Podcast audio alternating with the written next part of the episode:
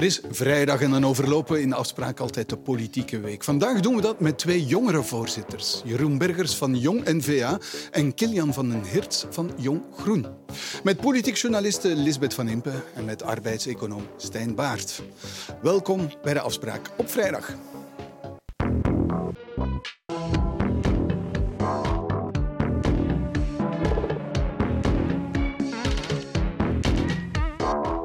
Goedenavond, de twee jongere voorzitters. Ik begin bij u, Jeroen Bergers.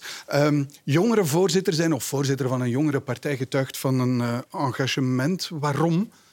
Op jonge leeftijd toch? Hoe oud bent u bijvoorbeeld? Ik ben uh, 23 jaar. Ja. En dan al een engagement in een politieke partij, al is het de jongere afdeling. Waarom?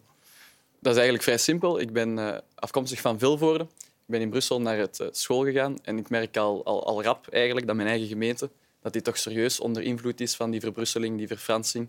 Dat het steeds moeilijker is om op straat gewoon of in de winkel uh, Nederlands te spreken. Ik merk daarnaast dat heel veel jongeren er bezorgd over zijn dat ze omwille van de woke-cultuur, omwille van cancelcultuur, uh, niet meer hun gedachten mogen zeggen, dat ze daar echt voor worden afgerekend. En dan uh, heb je twee opties. Oftewel ga je dat ondergaan, oftewel steek je de handen uit de mouwen om daar iets aan te doen. En ik heb gekozen om te werken om er iets aan te doen. En betekent dat dat je dan ook meteen naar die partij, N-VA, werd geleid? Of heb je getwijfeld tussen andere partijen om dat engagement op te nemen? Nee, evident. Als, als inwoner van de Vlaamse Rand, die het Nederlands heel belangrijk vindt, die bezorgd is over bijvoorbeeld woke, uh, was de keuze voor uh, N-VA een evidente keuze. Ja. Um, je studeert ook nog, geloof ik. Welke, welke, studies? Ik, uh, ik, studeer rechten aan de KU Leuven, dus ik behaal normaal gezien dit jaar mijn bachelor. En, en, zit daar een verband in tussen de keuze voor je studies en, en dat politieke engagement? Goh, ik denk het wel. Het heeft niet gespeeld toen ik mijn keuze heb gemaakt, maar ik was al een beetje bezig met politiek. En als je bezig bent met politiek, dan is die interesse in, in wetten en in het recht natuurlijk ook aanwezig. Dus uh, het is niet bewust voor de politiek of zo dat ik voor rechten heb gekozen. Maar ik denk wel dat het een impact heeft natuurlijk op, ja. Uh, ja, op wie ik ben als persoon. Uh. Oké, okay. sommige mensen zouden u kunnen kennen omdat u ooit ook lid was van de Facebookgroep rond Schild en Vrienden. U hebt dat ooit een jeugdzonde genoemd. Is dat achter de rug? Klopt, dat was een fout die ik uh, gemaakt heb toen ik 16 jaar was, waar ik ook afstand uh, van heb genomen al voor de, de bekende Pano-reportage. Uh, en dat is eigenlijk achter de rug. Sindsdien heb ik daar al jaren niks meer van gehoord. Wordt u daar nog aan herinnerd, behalve dan nu bijvoorbeeld in, in een tv-programma? Op Twitter durft dat al wel eens te gebeuren, maar op Twitter, ik denk dat iedereen het kan beamen dat de commentaren daar niet altijd even vriendelijk zijn. Ja, goed. Naast u Kilian van der Heert, Hallo. voorzitter van Jong Groen. Ja, dezelfde vraag eigenlijk. Waarom een engagement? Want u bent ook uh, vrij jong, hè? Wat is ja, uw leeftijd? 22. 22, uh, oké. Okay. Ja. Waarom dat engagement? Ja, toen ik nog in het middelbaar zat, was het eigenlijk heel duidelijk voor mij dat ik iets wou gaan betekenen voor de wereld. Ik was heel erg bezig met de klimaatverandering, met de ongelijkheid die we vandaag zagen in onze samenleving. En het was voor mij duidelijk, ik wil hier iets aan doen.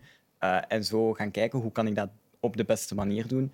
En politiek is vandaag nog altijd een manier waarop dat we dat het makkelijkst kunnen doen. Politieke partijen zijn nog altijd iets heel belangrijk in onze samenleving.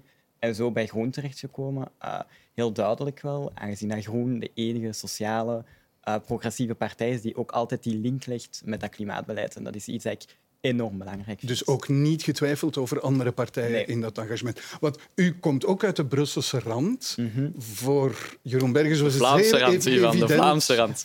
Oh, het was het zeer evident om bij de N-VA terecht te komen. U komt uit de Zuidrand. Mm -hmm. uh, niet evident dan om bij N-VA terecht te komen? Nee, maar ook mijn familie heeft die link gewoon met Brussel, met Wallonië. Dat is bij mij ook gewoon een familie. Ik heb nooit het Frans als iets gezien waar dat ik een bedreiging in zie. Dat is iets in mijn familie dat er gewoon in zit. Uh, wij spreken thuis Nederlands, Frans, allemaal door elkaar.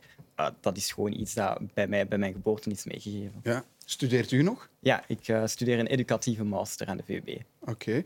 Ook u zouden we kunnen kennen omdat u een van de auteurs van een tweet, die intussen ook teruggetrokken is, een tweet over um, de mensen in uw moederpartij Groen, waarin u zei, uh, een deel van de groep witte mensen, vaak te oud, die daar nu zit, maakt foute inschattingen. Um, is die zaak achter de rug? Is dat verteerd? Goh, uh, verteerd is een groot woord. Wij staan nog altijd achter die boodschap. Wel, uh, we zien in onze parlementen dat er een overrepresentatie is van witte mensen uh, die vaak hoog opgeleid zijn en zo. En voor ons is het wel iets ook daar dat we bij Groen moeten gaan kijken hoe gaan we daar meer diversiteit in die parlementen brengen? Er is nu bij ons een belangrijke keuze over de rotatieregel die we hebben. En wij zeggen heel duidelijk als Jong Groen, de mensen die al meer dan twee termijnen in het parlement zitten voor onze partij, misschien is het tijd om een stap opzij te zetten en dan kunnen we kijken naar een diverse mix van parlementsleden. Want u bent ook een witte man en de leeftijd, daar ontsnapt u op den duur ook niet aan. Dus ooit gaat u in dezelfde situatie terechtkomen en dan natuurlijk. is het voor mij ook wel duidelijk, als ik in die situatie terechtkom, dat is een deel van onze ideologie, dat we na twee termijnen opstappen en dan ga ik me daar met alle plezier ook aan houden. Wat, een vraag voor jullie beiden eigenlijk. Wat is eigenlijk de functie volgens u van een jongere partij? Is dat ja, tegen de schenen schoppen van, wat u bijvoorbeeld met uw tweet toch voor een stuk gedaan hebt, tegen de schenen schoppen van die moederpartij? Of is het een soort kweekvijver voor de moederpartij, meneer Bergers? Volgens mij zijn het drie zaken. Enerzijds is denk ik de kerntaak van een jongere partij effectief om, om de lijn van de moederpartij recht te houden. We hebben op het congres bijvoorbeeld vorige week, waar we straks nog over gaan spreken, heel veel amendementen ingediend om uh, exact dat te doen. Anderzijds is het inderdaad ergens, uh, een kweekvijver vind ik nu geen mooi woord, maar een plaats waar je jongeren uh, in contact brengt met de politiek, waar je ze vormt, waar je ze debattraining geeft, ideologische trainingen. Maar met dezelfde standpunten als de moederpartij dan? Ja, maar ze komen natuurlijk ook door middel van debatten in contact met, met andere standpunten. En ten derde denk ik dat wat ook een nut is van een jongerenpartij, is dat wij de boodschap iets gebalder kunnen brengen dan de moederpartij, aangezien dat wij natuurlijk geen regeringsonderhandelingen moeten, moeten voeren. Oké, wat denkt u? Ja, wel, ik ga me daarbij aansluiten. Het is inderdaad wel een rol van ons om kritisch te zijn, maar ook om inhoudelijk werk te hebben. We hebben ook ons congres gehad, we hebben daar met Jong Groen 70 amendementen neergelegd, waarvan er 65 zijn aangenomen. Dat is onze voornaamste rol. En dan, de moederpartij scherp houden. Ja, scherp houden en ook gewoon jongeren vormen. Het is niet enkel een kweekvijver. We hebben 4000 leden, we hebben geen 4000 parlementsleden straks. Uh, en dat is iets wat wij doen, mensen ideologisch uh, gaan vormen en ervoor zorgen dat ze dat ook in een veilige omgeving kunnen doen. Oké. Okay. Goed, dankjewel. Aangename kennismaking. Lisbeth van Impe, hoofdredacteur. Ik zei daarnet politiek ja, journalist. Ik had, het, ik had het gezien, maar ik dacht, ik laat het passeren. Goed, Zolang je mijn is... leeftijd niet vraagt, nu is het goed. Ja. Terug van nooit weg geweest, maar wel een tweede kankerbehandeling achter terug. Hoe is het nu met ja, jou? Uh, goed. Ik uh, blijf mij verwonderen over de performantie van onze, sociale, van onze gezondheidszorg. Ze hebben opnieuw zeer goed voor mij gezorgd en ik ben, uh, ik ben weer helemaal terug. Ik ben een maand echt niet aan het werk geweest en dan een maand een beetje onder de radar gebleven. Dus, uh, maar nu is dat ook weer voorbij en uh, het gaat ja, goed. Want nu ga je terug volop aan het werk. ja, ja. Ik, ik doe mijn job heel graag, zoals je weet. En ehm, ik, ik ben weer bezig en dat lukt. En dat is het belangrijkste. Want je moet toch altijd een beetje afwachten na zo'n behandeling van... Ja, lukt alles? deze keer was het een zware operatie. Ja, dan moet je ja, even afwachten. Hè. Even je lichaam tijd geven. Maar alles werkt nog. Ja. Dus um, alles komt goed. In elk geval, wij zijn heel blij dat je terug bent. Ook hier aan onze tafel. Absoluut. Goed. Stijn Baart, goeie, goedenavond. Uh, vandaag uitgepakt met een nieuw onderzoek over inactiviteit in, in Vlaanderen. De hardwerkende Vlaming is een mythe, is, um, ja, laten we maar zeggen, de titel. Ja nee. En langs de ene kant zien we dat Vlamingen die aan de slag zijn als werknemer, dat die meer uren kloppen dan elders, bijvoorbeeld dan in Nederland. Uh, we zien ook bijvoorbeeld onze zelfstandigen, die zitten helemaal aan de top qua, qua werkuren. Maar uh, langs de andere kant zijn er gewoon te weinig mensen die werken. Degenen die werken, die werken hard. Degenen uh, die, die niet werken, ja, daar zijn er toch wel vrij veel van. Meer dan 1 miljoen.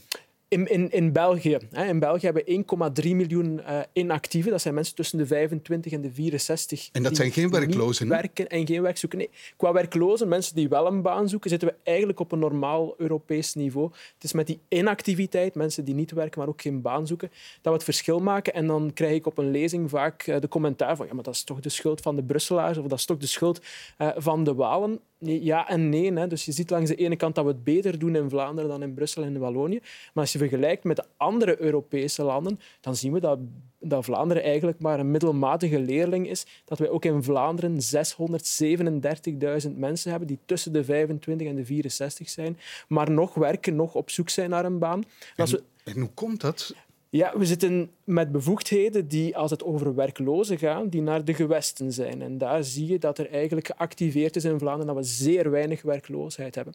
Bevoegdheden rond inactiviteit, belastingen op arbeid, pensioenen, ziekteverzekering. Want mensen die eh, in die verzekering zitten, die vervroegd met pensioen zijn, ja, die zitten in de inactiviteit. Die zitten op een federaal niveau. En je merkt dat ja, de grootste gemene deler om daar te hervormen, dat die zeer beperkt is.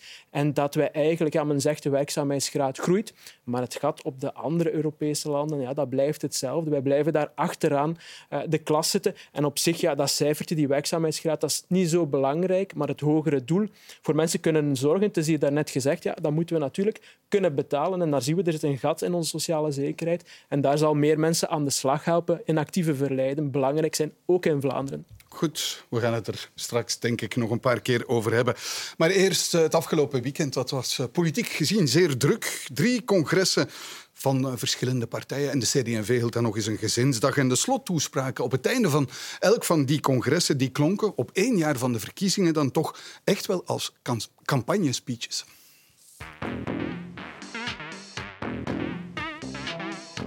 Ja, de partij CD&V heeft vandaag trouwens een gezinsdag gehouden in Sint-Niklaas. Je moet maar eh, rondlopen om te beseffen dat er heel wat jonge ouders zijn die bijzonder veel moeilijkheden hebben om een plaats te vinden. Ja, dat mag niet en dus moet je daar verdere stappen in zetten. En ook Groen kwamen samen vandaag voor een congres in Leuven. Ik hoor langs rechts en langs links steeds meer dezelfde kritiek op mensen die het moeilijk hebben.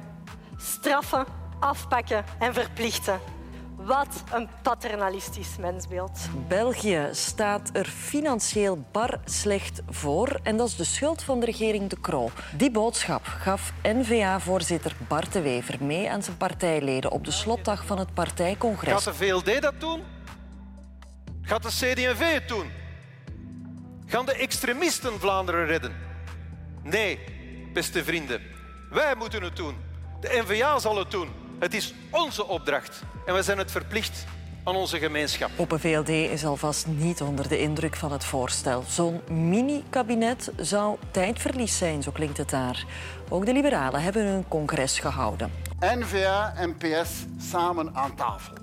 Hoe vaak hebben ze die plaat ondertussen niet al gespeeld? En nu wordt dat opnieuw bovengehaald.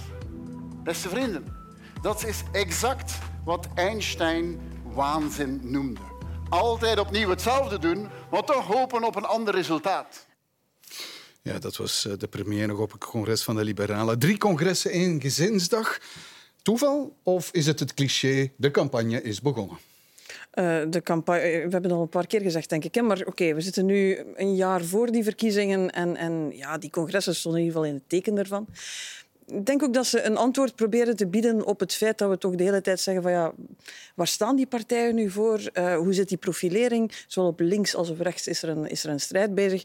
Peilingen laten heel dat midden eigenlijk verkruimelen, waar je met relatief jonge nieuwe voorzitters zitten, zit, die proberen daar toch een beetje profiel aan te geven. En dan is zo'n congres in de ogen van de partijen een uitgelezen kans om dat te doen, denk ik. En je hebt een slotspeech die op tv komt. En, ja, ja wordt gebruik van gemaakt. Uh, Stijn Baert, hoe hebt u er uh, naar gekeken? Is het inderdaad het scherpstellen van een aantal uh, boodschappen van de partij? Dat zal vast zo zijn. En, en, je kunt de campagne ruiken en je ruikt de verkiezingsdag. En als burger die daarbij opleeft, vind ik dat fantastisch. Dat maar het is een jaar. Jij, zijn een jaar. leeft op bij congressen? Ik leef op bij verkiezingscampagnes. Okay. De, de, de verkiezingsprogramma's op de dag, dat zijn mijn absolute maar als beleidseconomist, wat een arbeidseconoom is, ja, vind ik het langs de andere kant opwindend in de, in de andere verkeerde betekenis. Want je hoort heel veel déjà uh, entendus. Bijvoorbeeld Sami Medi heeft het over de kinderopvang. Dan denk ik, kinderopvang, dat staat 26 keer in het Vlaams regeerakkoord. Daar staat in, we gaan dat op maat maken van wie werkt. We gaan dat flexibeler maken. We gaan ervoor zorgen uh, dat werkenden voorrang uh, hebben. Heeft de minister van, van Welzijn binnen CD&V. Het staat in het regeerakkoord, dus men kan het eigenlijk doen. En diezelfde Sami Medi die zegt dat ja, maar volgende legislatuur gaan we er een miljard extra in steken. Terwijl men eigenlijk ook gewoon zou kunnen uitvoeren. Uh, zijn minister van Welzijn zou kunnen zeggen, laat ons het regeerakkoord uitvoeren. Ja, dit geeft een beetje het gevoel van, wie gelooft dit nog, wat ooit de termen zijn. Maar eigenlijk, ja, wie was zo gek om dit ooit uh, te geloven, wat er de vorige keer beloofd is? Het is ook een beetje een interne oefening. Ik snap dat dat voor militanten en zo wel heel belangrijk kan zijn. Het is net al gezegd, amendementen indienen, dat is hele interne partijdynamiek. Maar partijen kunnen nooit wegsteken, dat ze eigenlijk ook wel gewoon mee een interview willen versieren, op tv willen komen, dat er een aantal dingen moeten uitgelegd worden. En het belang ervan, ik denk nu niet dat Vlaanderen op het puntje van zijn stoel zat om uh, alle stemmingen over alle amendementen, zelfs die van de jongeren, te volgen voor het voorbije weekend. Ja, Kilian van der Eerst, want hoe, hoe was de sfeer bij jullie? Er ging een peiling aan vooraf, waar Groen de kleinste partij mm. um, werd gepeild. En ja, zorgt dat voor een slechte ambiance? Nee, zeker niet. Allee, de sfeer was meer dan goed. Het is ook uh, een peiling. we gaan ons daar niet door kapot laten maken. Allee, ik doe aan politiek en heel veel mensen met mij uh, om iets te veranderen in de samenleving. En is er een goede peiling? Ja, tuurlijk, heel graag. Maar het is niet omdat er een peiling slecht is dat wij meteen in ons engagement gaan uh, inboeten en dat we meteen gaan zeggen oh, misschien moeten we het toch anders doen. Dus het was eigenlijk een heel positief congres. Het was een congres waar we echt heel veel zaken hebben op tafel gelegd. Ook wat nieuwe dingen toch ook, ook wat vernieuwende zaken, zoals, zoals? bijvoorbeeld uh, op migratie een kader voor arbeidsregulatie uh, van migranten, een kader om uh, circulaire arbeidseconomie ook daar werk van te maken. Dus daar zijn wel effectief wat zaken gelegd, ook op vlak van onderwijs, op vlak van economie. Uh, dus het was wel vernieuwend genoeg en de sfeer was zeker oké. Okay. Ja, hoe was de sfeer uh, bij u? Want bijvoorbeeld oude ideeën recycleren, het confederalisme, is een oud idee van de NVA dat nog maar eens gerecycleerd werd. Hè? Maar ik denk dat het confederalisme een heel duidelijk standpunt is, wat ons aanbod naar de kiezer is. En ik zou zeggen, ja, jammer genoeg moeten we het recycleren, omdat er partijen zijn die er nog altijd voor kiezen in België te geloven opnieuw een Vivaldi-project op te zetten dat niet bijdraagt tot de welvaart van de Vlamingen, wat confederalisme uh, wel zou doen. Maar deze congres ging eigenlijk niet over confederalisme. Het ging vooral over die welvaart van die Vlamingen. Wat doen we om die te verbeteren? Wat doen we ervoor om de belastingen proberen te omlaag te krijgen? Daar hebben we mensen met Jong VA ook heel hard op ingezet. Bijvoorbeeld erf, erfbelasting, omdat dat een, een, een belasting is op dubbel vermogen. Verdriet ook een beetje van de mensen. En eigenlijk een belasting die haar nut mist, omdat de allerrijksten ze heel gemakkelijk kunnen ontwijken, maar... hebben we doorgeduwd. En die is aangenomen ook door de partij. Eh, vanuit de jongeren dat we die uh, willen afschaffen. Maar ook bij jullie slechte peiling, of toch geen goede peiling? Goh, ja, Slecht voor de ambiance. Ik denk niet dat de peiling op de ambiance heeft, heeft, ge, heeft, gespeeld, in alle eerlijkheid. Ik ben er zelf toch totaal niet mee bezig geweest tijdens het congres. Uh, met jongeren hebben wij vooral geprobeerd om onze amendementen erdoor te krijgen. Dat is in 79 procent van onze amendementen gelukt. Ook bijvoorbeeld voor nieuwkomers, dat zij uh, Nederlands moeten leren, ingeschreven zijn in een cursus of een taaltest afleggen, voordat zij een uitkering kunnen krijgen hier. Ik denk dat dat uh, iets is waar dat toch draagvlak voor is in Vlaanderen. Uh, wij hebben ons vooral bezig gehouden met de inhoud. En ik denk dat... Ik vind het soms jammer, want ik hoorde het mevrouw Van Impe net ook zeggen, ja, in die uh, amendementen, ik weet niet of de mensen daar echt mee bezig zijn. Ik heb met, topjournalisten van alle kranten, van de VRD, van het Nieuwsblad, ook van jullie concurrenten gesproken. En altijd geprobeerd om eh, onze amendementen die we er van Jong VA hebben ingekregen te verkopen. En dan kreeg ik eigenlijk heel vaak een antwoord dat erop neerkwam ja, we zijn eigenlijk alleen geïnteresseerd in de speech van de Wever en in het conflict dat er in de politiek is. Het is een, het is een wisselwerk. Ik wil het voor een stuk nemen, maar in de speech van de Wever er is een mooie pancarte met de honderd ideeën, één visie, tien strijdpunten, weet ik veel. Uh, dat was het resultaat van het congres. Geen van die honderd ideeën heeft de speech van de Wever gehaald. Hè. Ik bedoel, de speech van de Wever ging over alle anderen. En uh, ik denk dat vandaag heel veel mensen wat jij daarnet ook zei, uh, op die kloof botsen. Natuurlijk is het goed dat partijen ideeën hebben die ze nog niet hebben kunnen realiseren, dat ze uh, daar debat over voeren, mm. dat ze op zoek gaan naar de juiste... Maar die kloof wordt wel groot. Als ik vandaag die netto-calculator zie die Sami Medi lanceert, waarbij het dus gaat over een voorstel van de minister. Je zou kunnen zeggen, de scherpste manier om al die fantastische ideeën van de partij in de krant te krijgen. Maar die minister is er nog niet in geslaagd om de regering daarvan te overtuigen. En het spijt mij, net als bij confederalisme, als je wacht tot ze allemaal confederaal zijn, dat gaat, dat gaat nog lang duren. Dat is politiek, ze daarvan overtuigen een meerderheid vinden. Ja, en je kan nu gaan berekenen hoeveel dat theoretisch plan je zou opleveren mocht het ooit bewaarheid worden. Niet dat iemand ooit denkt dat het in die vorm zal bewaarheid worden. Dat is waarschijnlijk het probleem. Nog... Dus wat ben je dan tegen burgers aan het zeggen? Als je, als je constant ideeën naar voren schuift op het moment dat de belangrijke speech begint, ja, dan gaan die terug in de koffer. En dan gaat het eigenlijk over de, de, de strijd tussen de andere partijen, hoewel de anderen zo verschrikkelijk zijn. Ja. ja, ik ben daar niet helemaal mee akkoord in alle maar Bijvoorbeeld, de speech van Bart de Wever bevatte één punt, dacht ik. Ah, ik had, ja, sorry. Goed, ik heb niet of geen punten het is mij, het is van alle amendementen die in dat congres hebben gezeten. Nu, dus... Waarom zegt u dan, ja, maar de media hebben het niet opgepikt, als nee, maar... de voorzitter het zelfs nog niet oppikt? Ik wil het zeker niet alleen op de media steken. Ik zeg alleen, als we over inhoud moeten spreken, dan is het soms ook jammer. Ik denk dat Kilian dat zeker mm. zal kunnen beamen. Als we met jongere partijen heel hard werken, jarenlang in het geval van het NVA-congres, om inhoud gelanceerd te krijgen, goedgekeurd te krijgen, dat daar echt geen ruimte voor is. Eh, wat betreft ja, de speech van De Wever, inderdaad, die was een speech om eh, de, de troepen klaar te stomen voor de verkiezingen. Maar de speech van De Wever, dat was wel de zesde speech die op dat congres, die op die namiddag is gegeven. De vijf speeches daarvoor, die gingen alleen maar over de inhoud die is afge Klopt, op het En- congres. En, en- daar is dan totaal geen Ja. aandacht voor. Hebben we te weinig eh, aandacht ja, ik kan bij die- media? Ja, dan ik kan die analyse wel delen, zeker met jongere partijen, dat het vooral als er conflict is, en we hebben dat gezien met onze tweet, er was een soort van conflict, dat, dan wordt daar meteen op gesprongen en wordt dat een beetje uitvergroot.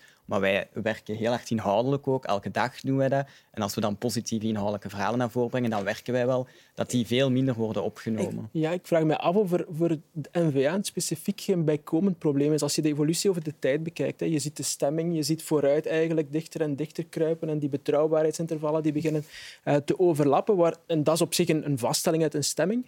Maar wat ik daarnaast ook zie, is het idee van de aanbodspartij, de ideeënpartij, die, die N-VA lang is geweest, dat die nu voor een stuk door vooruit eh, wordt, wordt overgenomen. En dat je ziet, sociaal-economisch, dat zij, dat zij heel duidelijke standpunten innemen en dat het soms voor N-VA plots achtervolgen is, wat vroeger eh, altijd het omgekeerde was. Is het voor een jongerenvereniging of een jongere afdeling van een partij niet belangrijk om daar voldoende op te drukken dat die ideeën echt in de markt worden gezet en dat men niet te veel over de schouder kijkt? Of u daar niet in als jongere partij om dat bij de moederpartij erdoor te krijgen?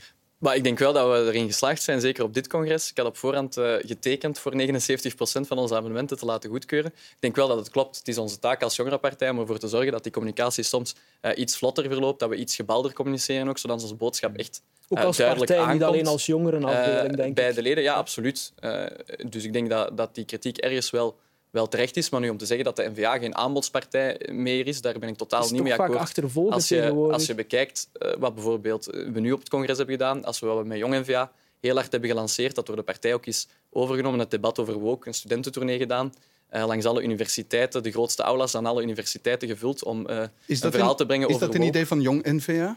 Ja, absoluut. We hebben, eh, U hebt dat de de- voorzitter ingefluisterd. ja, ingefluisterd is misschien veel gezegd, maar we hadden de eerste keer eh, dat ik met Bart eh, heb samengezeten, eh, toen ik verkozen was als voorzitter, had ik gevraagd van kijk, eh, Bart, zie je het eventueel zitten om over identiteit, om over woke een studententournee te doen aan de universiteiten. En dan is hij daarop ingegaan. En hij heeft eigenlijk omwille van het groot succes, hij had dat niet verwacht, eh, hij was een beetje, beetje cynisch naar mij. We hadden de, de Pieter de Zomer aula, 900 eh, plaatsen zijn daar, afgehuurd in Leuven. En zei Jeroen, ja, dat is, dat is dom, hè. dat is veel te veel. Ik heb nog nooit voor zo'n grote aula gespeecht in mijn leven. Bart is toch al iemand die, die, die vrij lang rondtoert om te speechen. En eh, die aula, ik was toen gestrest, dat kunt u wel voorstellen.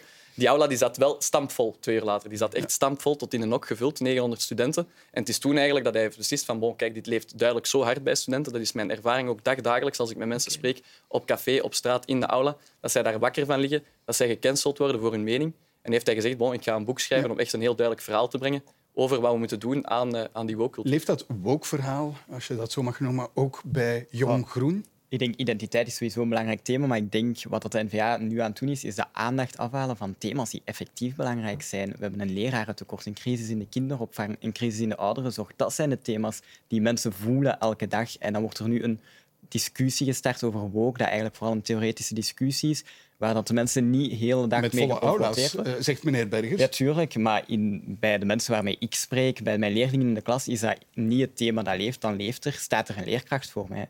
Kan ik les volgen? En dat zijn de thema's waar dat mensen effectief aan wakker liggen. En dan zien wij dat de NVA, de Vlaamse regering, daar tekort schiet. Ja, en krijgt u daar ook volle aula's voor? Als u zegt van, oké, eh, lerarentekort, zorgproblemen. We hebben het nog niet geprobeerd, maar ik denk als we het doen, dat er wel zeker animo is om daar naartoe te komen. Maar misschien zit daar een deel van het probleem. Want kijk, als het gaat over hebben media veel aandacht voor jongere partijen.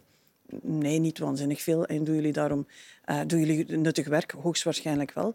Maar het idee dat iets maar nuttig is en belangrijk in de politiek en dat afmeten aan de media-aandacht die het krijgt, bij ons, of met het aantal likes en, en, en duimpjes en, en hartjes dat het scoort, ik denk dat daar deel van het probleem zit. En daar volg ik jou wel voor een stuk de problemen die jij opsomt, zijn problemen die zowel bij de federale als de Vlaamse regering liggen. Wat betekent dat ongeveer alle partijen in dit land ermee bezig zijn. Op een of andere manier er verantwoordelijk voor zijn.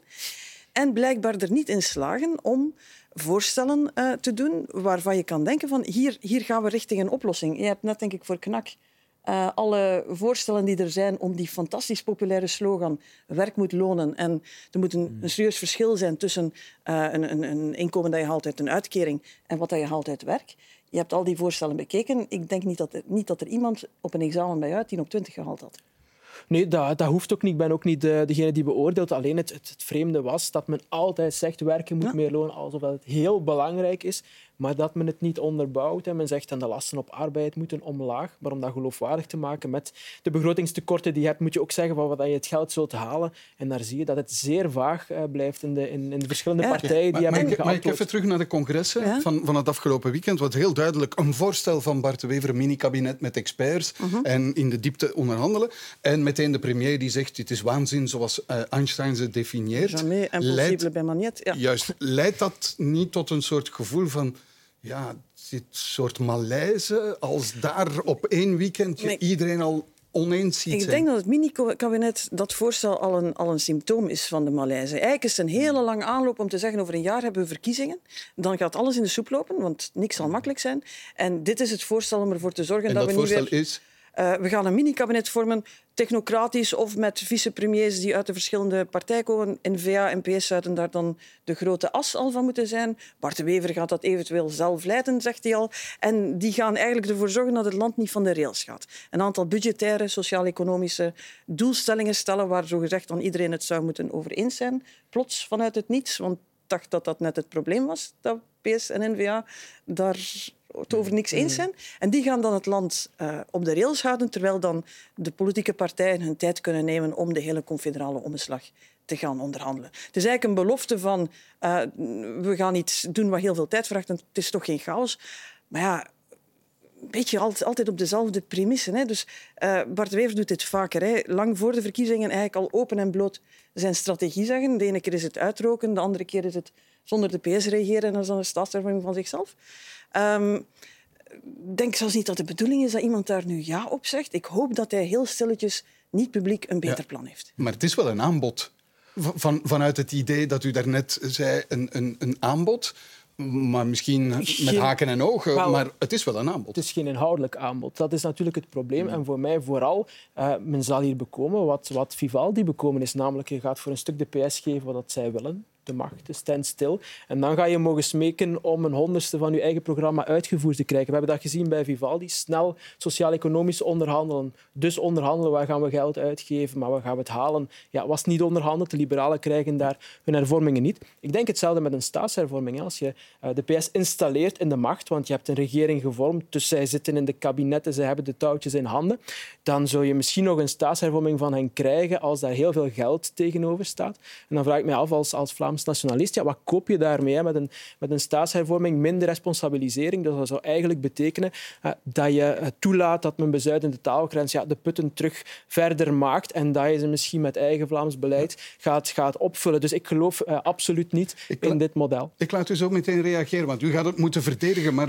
hoe is er bij Groen en Jong Groen op gereageerd op dat idee? Ja, ik denk dat vooral duidelijk is dat de politiek in een conflict zit met zichzelf. We zitten nu een jaar, meer dan een jaar voor die verkiezingen en we zijn nu al bezig over coalities. Er moet wel nog beleid gevoerd worden. Hè. Er zijn crisis, er is een klimaatcrisis die op ons afkomt, economische crisis, er is een tekort eh, aan leerkrachten, er is een probleem in de kinderopvang. Laten we ons daarop vandaag toch concentreren, een jaar voor die verkiezing, in de plaats van nu al bezig te zijn met welke coalities dat we gaan vormen. Dat is iets wat dat we doen na 9 juni, als er verkiezingen zijn geweest, als we zien hoe dat de kaarten liggen. Maar wij vinden het een beetje raar dat we daar nu al mee bezig zijn en dat we nu al die strategieën op tafel proberen leggen.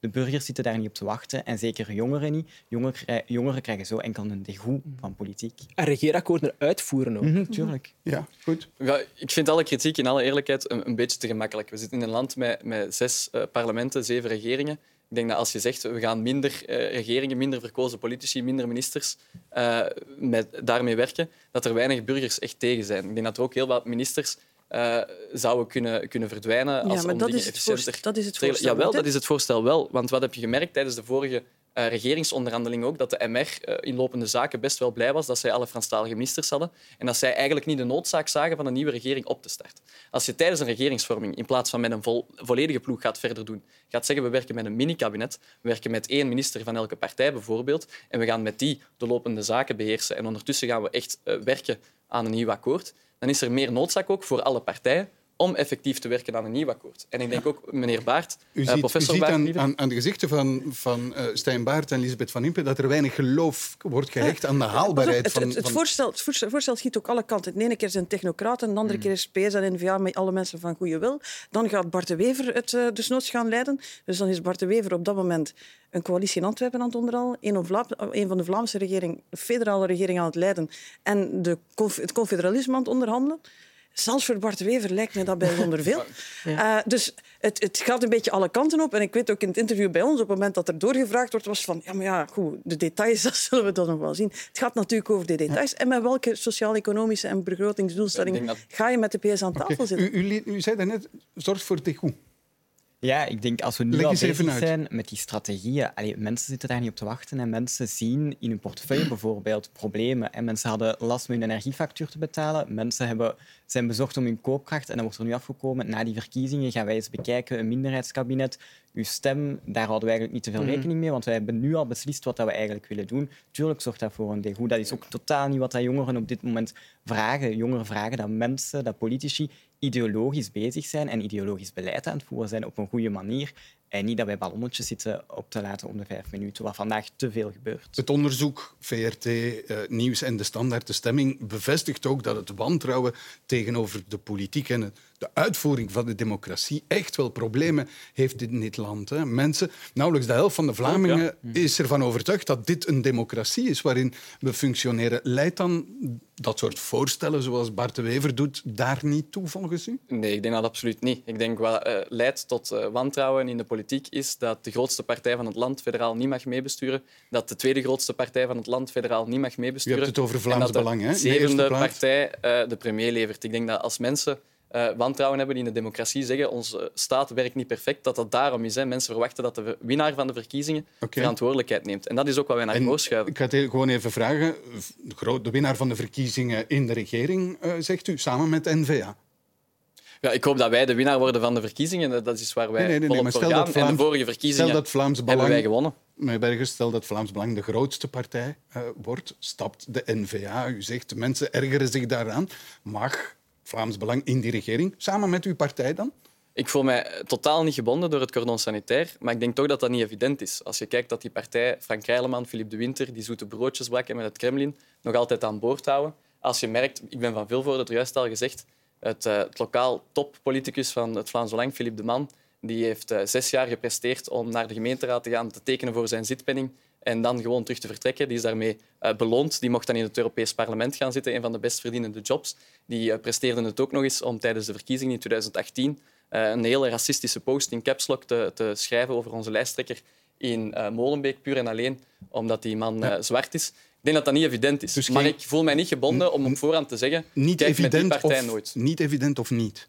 Een coalitie. Niet evident. Niet evident, dus niet uitgesloten.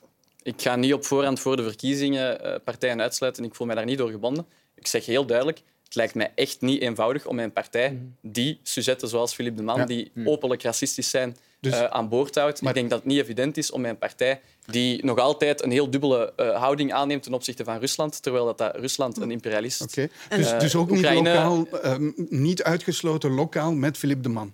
Want u wil het niet uitsluiten. Ja, met Philippe de Man zal ik in Vilvoorde in ieder geval geen coalitie maken. Dat lijkt me evident. Die man is zes jaar naar de gemeenteraad gekomen om te tekenen voor een Oké. zitpenning. Daarna te vertrekken. Hij heeft één interpellatie gedaan op zes jaar tijd. En dat was met het WK voetbal. Eh, toen dat alle vlaggen van de deelnemende landen in de winkelstraat waren opgehangen, dat de Saoedi-Arabische vlag Maar moest worden in weggeknipt. Ninove zou het wel kunnen. Dat lijkt me niet eh. Dat is aan de ploeg van Ninove om te beslissen. maar, maar Eh, pas op, op. Als, als, als, als we nu Bart Wever horen, maar dus eh, ook u horen, dan gaat u ook na de verkiezingen uitleggen dat wat potentieel de grootste partij van, het, van Vlaanderen zal zijn, dat u daar niet mee gaat besturen. En in een democratie is dat perfect normaal. Hè? Dat, je, dat partijen achteraf gaan kijken wat ze daarmee kunnen doen. Ik snap dat die kiezers daar niet blij mee zijn, maar je kan, daar, je, kan die beslissing wel nemen. Ook N-VA mag die beslissing nemen. Ik volg u volledig als het gaat over die federale regering. Ik zou het nog meer geloven als je ook de Vlaamse regering bijzet, waar het palmares toch ook eh, behoorlijk ondermaats is in de samenwerking, het gekibbel, de strategische spelletjes. Als je er alle twee zet en zegt als jongerenvoorzitter, de hele politiek zit met een probleem, dan volg je 100 procent. Ja, Stijn Baert. Ja, ik wil in die discussie over het tegenover de politiek toch wel nog iets naast leggen. Naast de inhoud en de, de strategieën op voorhand. Allee, wat hebben wij de afgelopen weken gezien? We hebben voortdurend schandalen gezien. We hebben voortdurend verontwaardiging van politici gezien. Maar wat is er wezenlijk veranderd? Hè? Die uitredingsvergoeding, die uh, lonen die, die niet volledig belast zijn van, van parlementairen, die extra's voor functies binnen, binnen het parlement die eigenlijk uh, niks, niks inhouden. Gedetacheerde van B-post, overheidsbedrijf, Ja, men zegt voortdurend, we gaan het oplossen, we gaan het oplossen. Maar het bestaat stuk voor stuk nog. En daar gaat men dus volgend jaar mee naar de kiezer. Men denkt misschien, die kiezer zal dat vergeten zijn. Ik geloof niet dat die kiezer dat vergeten zal zijn. Men zal die daar aan herinneren. En kijk bijvoorbeeld uh, de verkiezingsshow, uh, om mij dan verder te outen als liefhebber van 91. Daar ging het ook voortdurend Zwarte Zondag over sjoemelen. En ik denk dat we precies dezelfde cocktail aan het samenstellen zijn, waarbij men de schandalen zegt te zullen oplossen, het niet doet. Men denkt, de kiezer uh, vergeet het, maar de kiezer zal het niet vergeten zijn. Meneer Van der Heert, hoe kijkt u naar uh, jong N-VA als het dan over dat cordon sanitair ah. gaat? Ze zeggen, ja, de, de, de, kiezers van de grootste partij mogen niet meedoen, maar ze willen zelf ook niet meteen... Dat is niet wat ik gezegd heb. U hebt letterlijk ik gezegd... denk gezegd, momenteel wordt de grootste en de tweede grootste partij uitgesloten. Dat is toch al een groot verschil daar, ten opzichte van één partij. En de zevende partij levert de premier. Het is niet ja, ja. dat de derde partij, de vierde partij, de vijfde nee, nee, partij de premier levert. Nee, de zevende. Het eerste deel van uw zin is de grootste partij, de kiezers daarvan worden uitgesloten. Maar u bent evengoed bereid om hen ook uit te sluiten. Dus meneer Van der Heerts, hoe mm -hmm. kijkt u naar de houding van de N-VA daarin? Ja, eerst en vooral, we hebben heel lang geprobeerd om een federale regering op de been te brengen vorige keer. N-VA heeft heel lang aan tafel gezeten. Op een bepaald moment moet je wel zeggen, als politieke partijen is het niet tijd om andere pistes te gaan onderzoeken. En toen heeft ook Groen de verantwoordelijkheid genomen. Ik ben nog altijd blij dat we dat gedaan hebben. Tweede, uh, ze halen vaak aan, we gaan niet besturen met Vlaams Belang om die en die personen, worden vaak mensen genoemd. Maar voor mij gaat dat wel veel breder. Het Vlaams Belang heeft gewoon ideologisch gezien enkele zaken, standpunten over andere uh, migratie, parlementsleden die ook bepaalde dingen zeggen over LGBTQI-rechten, waar dat ik zeg, ja, ho, dit is wel mijn rode lijn. Dus u en bent hier gaan wel we niet voor een over- cordon rond Vlaams Belang? Ja, en wij gaan dat ook gewoon Een afspraak niet op voorhand? Ja, dat mag van ons in een afspraak op voorhand. Ik denk, als de kiezer dat ook perfect weet, en wij zeggen dat ook altijd, wij gaan nooit met het Vlaams Belang besturen. En dan is dat perfect democratisch als wij op voorhand zeggen, wij gaan nooit met die partij besturen. En tegenover de PvdA? Ja, mijn persoonlijke mening is ook dat ik daar niet eh, sta te springen om daarmee te besturen. Ook omdat weer, voor ons is een rode lijn mensenrechten. En we zien dat PvdA daar moeilijkheden heeft om bij bepaalde regimes mensenrechten schendingen te veroordelen. En dat is voor mij toch ook wel een moeilijkheid. En als u dan kan- consequent bent, dan moet u ook zeggen, ook een cordon, afspraak op voorhand rond PvdA. Mhm, Dat mag van mij ook zeker. Ja, mevrouw Van Impe? Ik zie het nog niet meteen gebeuren, alhoewel dat er bij de andere partijen bijzonder weinig appetijt is, denk ik, om op het lokale niveau misschien, maar daarboven zie ik het niet meteen gebeuren. Ook niet in Wallonië, waar PTB, waar, PTB echt wel een serieuze factor van, van belang eh, dreigt te worden, maar waar die, die directe concurrentie met de PS zo groot is dat ik ook de PS dat niet meteen zie doen.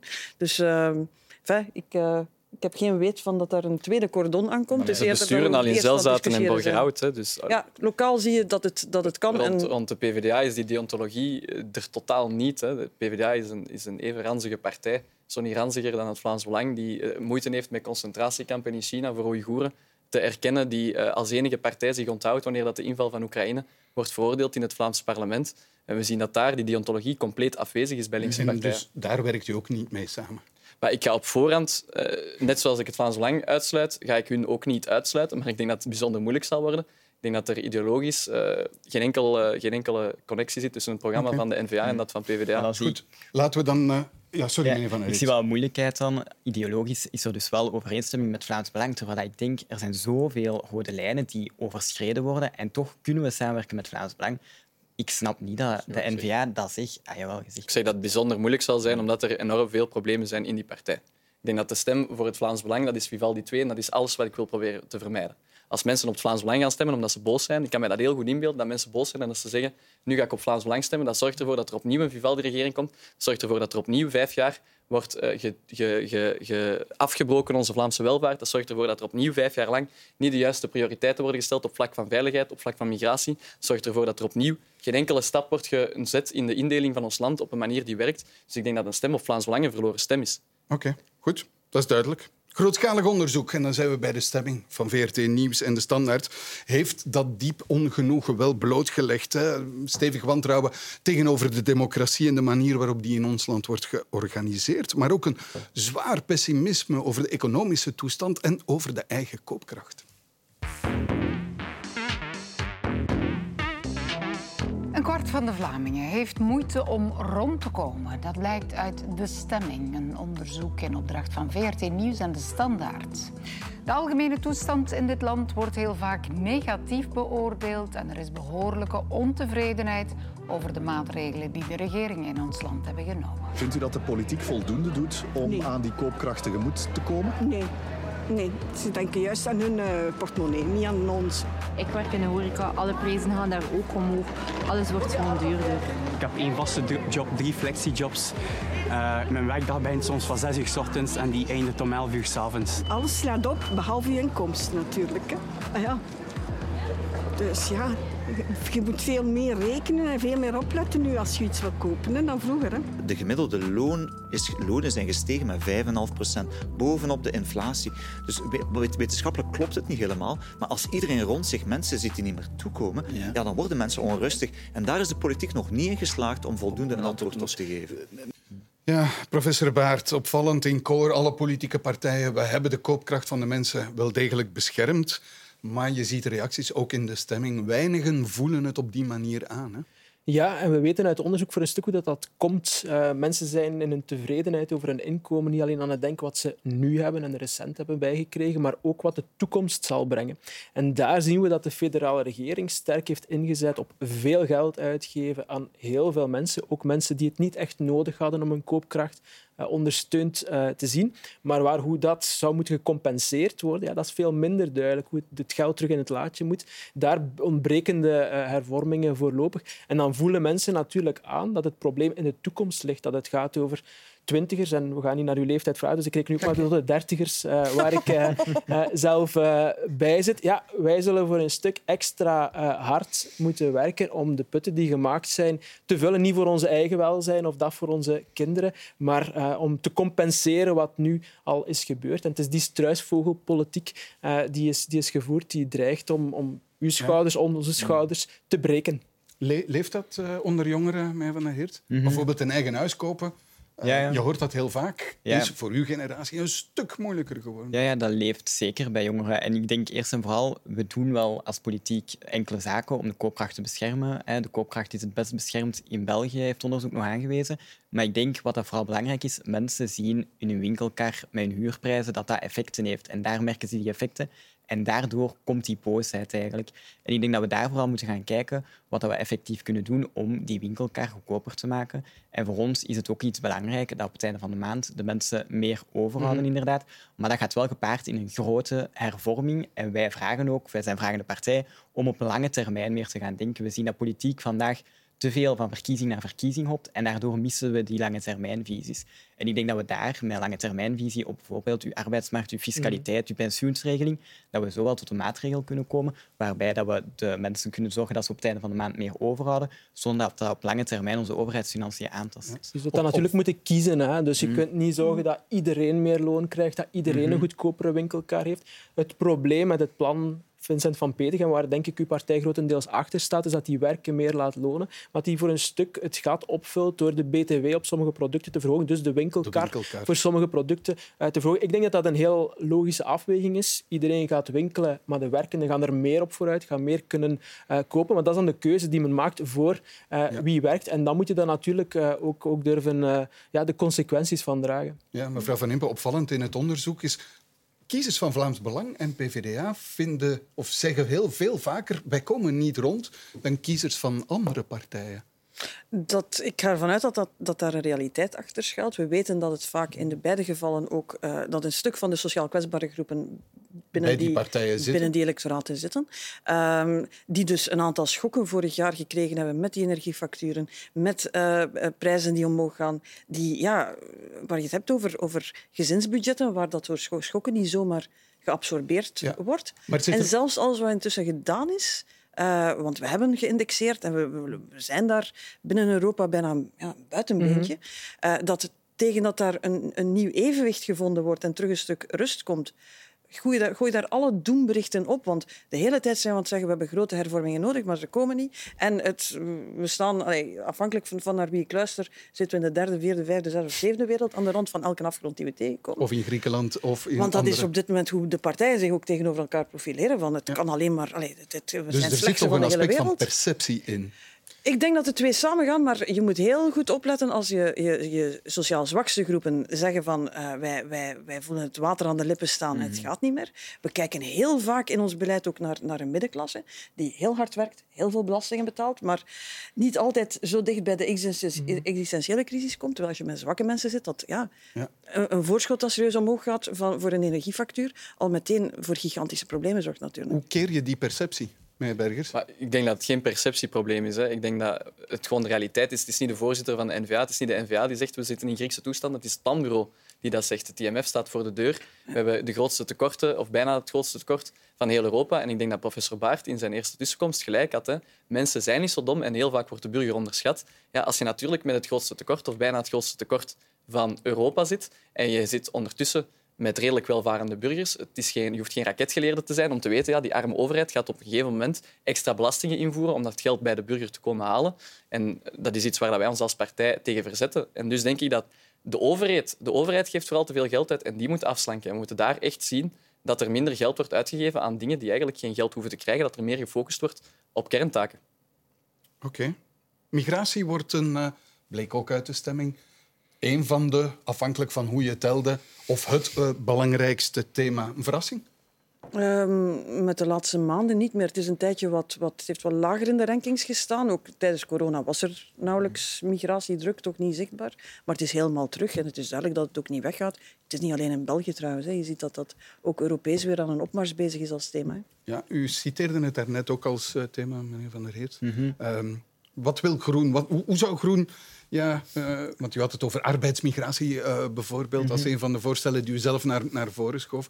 Hoe zou groen het of jong groen het aanpakken? Ja, wat dat wij vandaag opnieuw willen, is dat er vooral gewerkt wordt aan een lange termijnvisie. We hebben nu ervoor gezorgd dat al die mensen die op straat hebben geslapen, dat mensonwaardige omstandigheden worden, waarin dat we echt kunnen zeggen dat België de mensenrechten van die mensen niet heeft gerespecteerd, dat we daar een oplossing voor gaan creëren, ook op lange termijn, dat we niet met de volgende winter opnieuw het, eh, de situatie hebben waar dat mensen op straat moeten slapen. Dus wij willen vooral gaan kijken naar die lange termijn oplossingen.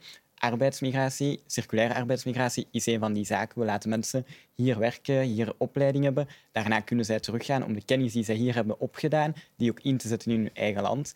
Maar ook bijvoorbeeld wat iets is voor ons, iets dat we gaan inzetten op veilige en legale migratieroutes ook. Wat we vandaag zien is dat mensen heel vaak op een gevaarlijke manier naar hier komen. Dat is geen duurzame oplossing. Zo komen mensen in de illega- illegaliteit terecht. En voor ons is het duidelijk dat we daarop moeten gaan werken, op een menswaardig migratiebeleid. Maar wordt u dan strenger voor illegale migratie?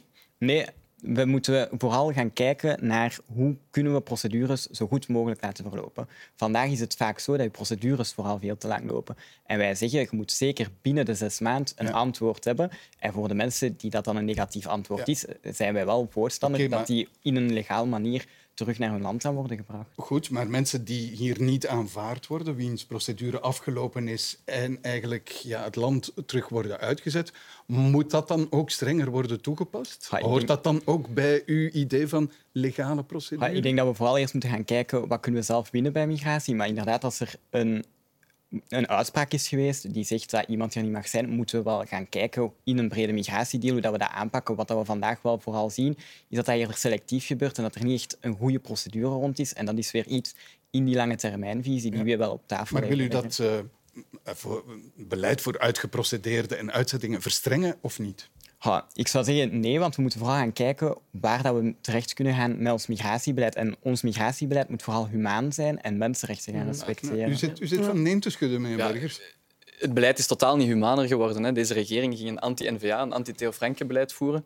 Eh, Je merkt, er komen niet alleen veel meer eh, migranten naar hier. De situatie van die migranten is ook een pak onmenselijker. Als je merkt dat er mensen in een kraakpand zijn overleden, als je merkt dat er gaatjes in het plafond van Brusselse gebouwen eh, worden geboord, zodat, de mensen, zodat het water binnenloopt en dat de mensen weglopen. Ik denk niet dat het menselijker is. Ik denk dat we heel duidelijk een, een, een paradigma-shift moeten maken. Naar een Australisch model, dat illegale migratie echt niet meer kan. Dat het heel duidelijk is als je op een illegale wijze naar hier komt, dat je echt geen toekomst hebt, dat je geen enkele kans hebt om erkend te worden, maar dat we inderdaad wel inzetten op arbeidsmigratie. En ik vind dan heb ik Dus een beetje moeite... arbeidsmigratie is een punt waar u beiden het over eens bent. Nee, want ik heb een beetje moeite met het, het, het model van circulaire migratie dat de Groenen, andere linkse partijen, op een VLD ook, naar voren schuiven. Ik vind dat eigenlijk inherent zelfs een beetje racistisch. Als je zegt, je mag naar hier komen om te werken en de taal te leren, en eens dat je geïntegreerd bent, eens dat je aan de slag bent, dan mag je terug naar je eigen land. Ja, dat snap ik niet zo goed. Als mensen zich hier integreren, het Nederlands leren, aan de slag gaan op de arbeidsmarkt, waarom zouden we die dan daarna per se moeten Meneer terugsturen? Van der Heert, Ja, korte denk, reactie? Ik denk vooral dat die mensen dat misschien ook zelf willen, dat we vooral de kans moeten creëren voor mensen om ook hun kennis gewoon terug te gaan delen. We moeten investeren in het aanpakken van oorzaken van migratie. Dat is ook iets dat wij vandaag te weinig doen. Een van de oorzaken van migratie is een gebrek aan onderwijs in bepaalde landen, is een gebrek aan jobs in bepaalde landen. En circulaire arbeidsmigratie kan ervoor zorgen dat die jobs zorgen voor werkgelegenheid Ja, daar. eh, ik denk dat we, dat we het thema voorlopig zeer vanuit een humanitaire eh, bril hebben, hebben aangepakt. En ik, ik versta dat Groen dat doet. Ik vind dat ook eh, cruciaal dat we ons deel doen.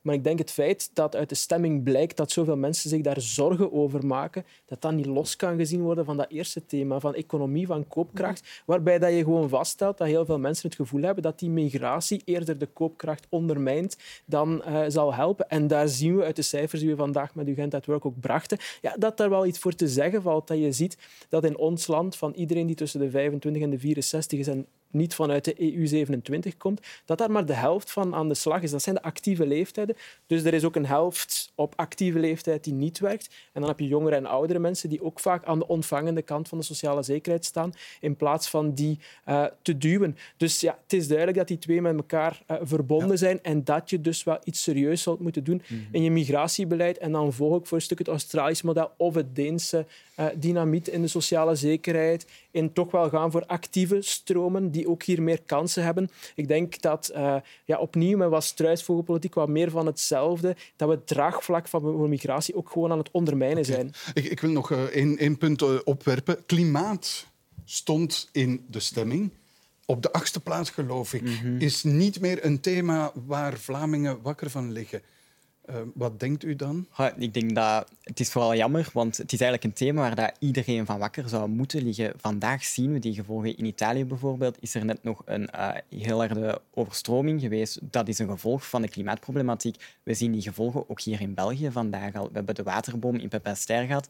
Het zou een thema Ja, moeten maar zijn... mensen liggen wakker van koopkracht, Ja, ik- economie, belasting, het. migratie. Ja, ik snap dat de mensen daar niet per se van wakker liggen, want de mensen, eh, onderzoek toont dat ook aan, als er iets is met je koopkracht, dan ga je daarmee bezig zijn en zet je niet met het klimaat bezig. Maar die twee zijn wel inherent verbonden. En ik denk wat we dan als overheid, als regeringspartij, wat er dan moet gebeuren, is gaan kijken hoe kunnen die twee elkaar versterken. Mhm. Want uw klimaatcrisis, als we die vandaag niet aanpakken, wordt dat op lange termijn een koopkrachtcrisis. Maar ook hier zit, de, de, net zoals bij migratie, spoort de economische bezorgdheid van mensen met het feit dat ze met enige sceptisch kijken naar klimaatmaatregelen die er zouden kunnen aankomen en die toch de naam hebben van duur te zijn, moeilijk te betalen, niet sociaal te zijn.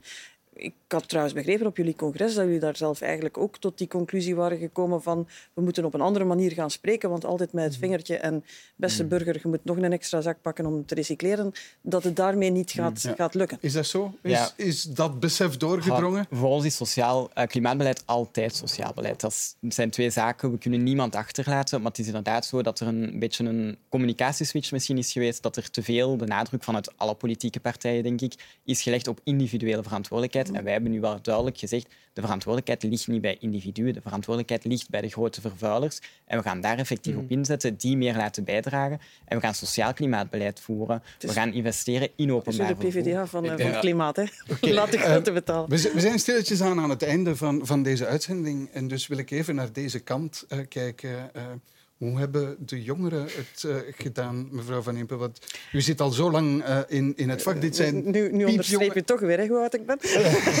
Dus Ze zijn piepjong. Ik, ik, ik, eh, ik moet zeggen, eh, af en toe hoor je de debatfiches erdoor, maar ik zie vooral veel authentiek engagement, denk ik. En, eh, maar we, hebben- we zijn er maar kort over geweest. Zit achter jullie partijen om eindelijk al die vergoedingzingen uit te kuisen. Ik bedoel, jullie kunnen dat. Ehm, het, het, is, het wordt onderschat door de politiek hoe hard dat, dat doorweegt. Bij de mevrouw die zegt van Mhm. ze zorgen voor zichzelf, maar niet voor ons. Daar moet je een streep onder trekken. En ik denk dat dat iets is waar Ja. jongeren kunnen tegenschoppen. Nog een eh, advies, eh, professor? uh, blijf zo helder als jullie vandaag zijn. Ik volg wel dat er op sommige thema's dat uiteindelijk wel accordeert met de partijen. Misschien de gevoelige thema's, bijvoorbeeld het cordon sanitair, dat heb ik uh, gehoord. Maar voor de rest heb ik inderdaad authentiek uh, engagement gehoord. Ook verfrissing over klimaat en economie hoeven elkaar niet, niet tegen te werken. Dat was uh, heel interessant om te zien. En ook het feit dat jullie ook wel constructief ten opzichte van elkaar ja, hebben gestaan. En voor de rest volg ik de, de aanbevelingen van, van mevrouw Van Imp. En zorg ook dat uw partijen op Vlaams niveau, op federaal niveau, een regeerakkoorden uh, proberen nog uit te voeren, alvorens dat ze uh, nieuwe beloften doen voor na de verkiezingen. Goed, dat is het einde van deze afspraak uh, op vrijdag. En daarmee is weer een politieke week netjes neergelegd. En zoals altijd dank ik mijn gasten voor de deskundige hulp daarbij. Jeroen Bergers, Kilian van den Heerts, Lisbeth van Impe en Stijn Baart. En beste kijkers, dank dat u er weer bij was. Tot volgende week.